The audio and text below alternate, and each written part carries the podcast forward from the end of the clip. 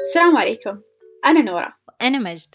وإحنا طالبات دكتوراه في قسم العلوم الطبية بجامعة أكسفورد ونقدم برنامج صوديوم اللي نناقش فيه مواضيع علمية شيقة تلامس صحة الفرد والمجتمع.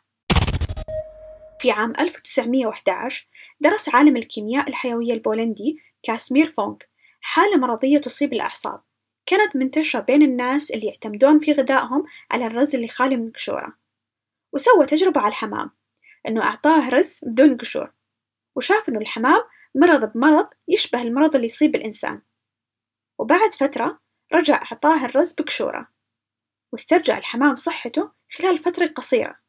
هنا استنتج العالم إنه في أمراض سببها نقص في عناصر غذائية وسمى هذه المكونات الأمينات الحيوية أو the vital amine واختصرها بكلمة ال vitamins. بتكلم في هذه الحلقة عن الفيتامينات أو الفيتامينات كمكملات غذائية.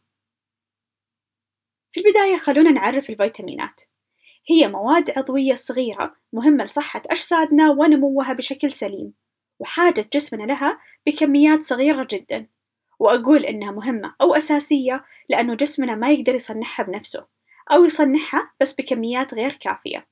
ونقدر نحصل عليها خلال غذائنا. ونقصها الحاد يتسبب بالأمراض وقد يؤدي إلى الوفاة لا سمح الله. وفي المقابل الزيادة عن حاجة الجسم في استخدام الفيتامينات أيضا غير صحي. وهي تختلف عن البروتينات والدهون مو بس لأنه نحتاجها بكميات قليلة برضو لأنها ما تدخل في تركيبة جسمنا. الفيتامينات أنواع كثير منها الألف وسين ودال وباء بأنواعه. وهي تختلف في تركيبتها الكيميائية وأيضا في وظائفها أو أهميتها في جسمنا. لكن بشكل عام هي تعمل على أنها محفزات وكثير من أمراض سوء التغذية سببها إما بزيادة استخدام الفيتامينات عن حاجة الجسم أو نقص حصولنا على الفيتامينات وهذا يكون إما لقلة العناصر الغذائية في الغذاء أو خلل يمنع امتصاص المواد الغذائية أو الفيتامينات من الغذاء.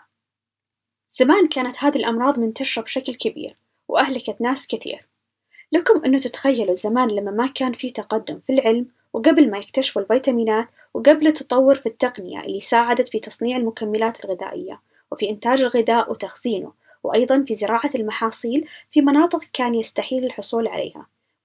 قبل الناس عاشوا بجوع حروب. طب كيف تعاملوا مع هذه الأمراض؟ كان لهم طرق أكيد وحلول. ولو نرجع في التاريخ تطور فهم الفيتامينات على ثلاث فترات. الفترة الأولى علاج الأمراض باستخدام أنواع معينة من الغذاء. كانوا العلماء العرب والرومان يعالجوا العمى الليلي بالكبد وفي القرن الثمانية عشر أعطيوا البحارة الإنجليز البرتقال والليمون لأنهم كانوا يصابون بنقص حاد للفيتامين سي وصار يطبق قانونيا في القرن التاسع عشر والمرحلة الثانية كانوا العلماء يجربون على الحيوانات إنهم يمرضونهم بنزع مادة غذائية ويرجعوا يعالجون الحيوانات بعد ما تمرض بهذه المادة. وربطوا النتائج بالأمراض اللي تصيب البشر. وفي المرحلة الثالثة صاروا العلماء يبحثون عن العناصر الغذائية الأساسية إلى عام 1900 كانت الفكرة مقبولة على نطاق واسع بأن البشر والحيوانات يحتاجون إلى كميات صغيرة جدا من العوامل الغذائية اللي نقصها الحاد يتسبب بالأمراض. قسم العلماء الفيتامينات إلى مجموعتين. ومهم نفهم أساس التقسيمة لأنه بيساعدنا على كيفية استخدام الفيتامينات. المجموعة الأولى أو القسم الأول الفيتامينات اللي تذوب في الدهون زي فيتامين د وألف وهي بتتخزن في الخلايا الدهنية في جسمنا لفترة معينة. وهذا الشيء كويس لأنه إذا صار في نقص يقدر جسمنا يرجع لهذا المخزون. والقسم الثاني الفيتامينات اللي تذوب في الماء زي فيتامين سي وهذه الفيتامينات تكون في الدم وإذا ما احتاجها جسمنا يتخلص منها على طول. وهذا الشيء يعتبر كويس لأنه ما بنتعرض لخطر الزيادة في هذه الفيتامينات في جسمنا. لكن بيكون حاجتنا لها بشكل دائم.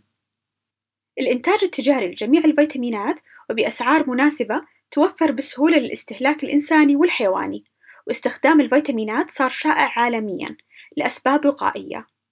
طيب السؤال هل فعلا إحنا بحاجتها؟ وهل هي فعلا مفيدة؟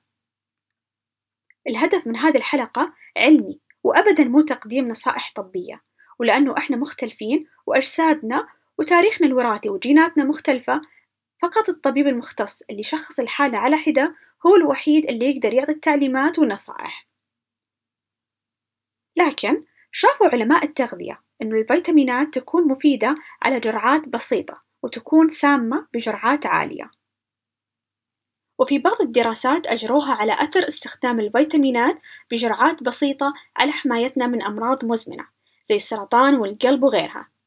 أنا هنا ما أتكلم عن حالة نقص فيتامين معين وأنه نستخدم الفيتامينات كمكملات غذائية لتعويض هذا النقص. هنا بتكلم عن الأثر المدى البعيد وربطه بأمراض مزمنة. مثلا في مرض السرطان شافوا العلماء الاستخدام المعتدل من الفيتامينات قد يحمينا من السرطان ولكن الكيفية ما هي مفهومة وهذا يرجع لأن تطور مرض السرطان يكون على وقت طويل. ولكن استخدام الفيتامينات بزيادة عن الكمية الموصى بها قد يتسبب بزيادة تطور السرطان. وفي أمراض العظام يعتبر الكالسيوم وفيتامين د العناصر الأساسية لصحة الهيكل العظمي شافوا العلماء لو أعطوا 800 وحدة يوميا يخفض خطر إصابة كسر الورك بنسبة 10% وكسور غير الفقرية بسبعة بالمية للأشخاص اللي أعمارهم من 65 سنة إلى 111 سنة. وأيضا في الاكتئاب أو أعراض الاكتئاب أجريت دراسة خلال سبع سنوات أنه استخدام اليومي لحمض الفوليك وبي 6 وبي 12 لكميات معينة قلل الإصابة بالاكتئاب إلى نسبة 52% من الأشخاص اللي نجوا من سكتة قلبية.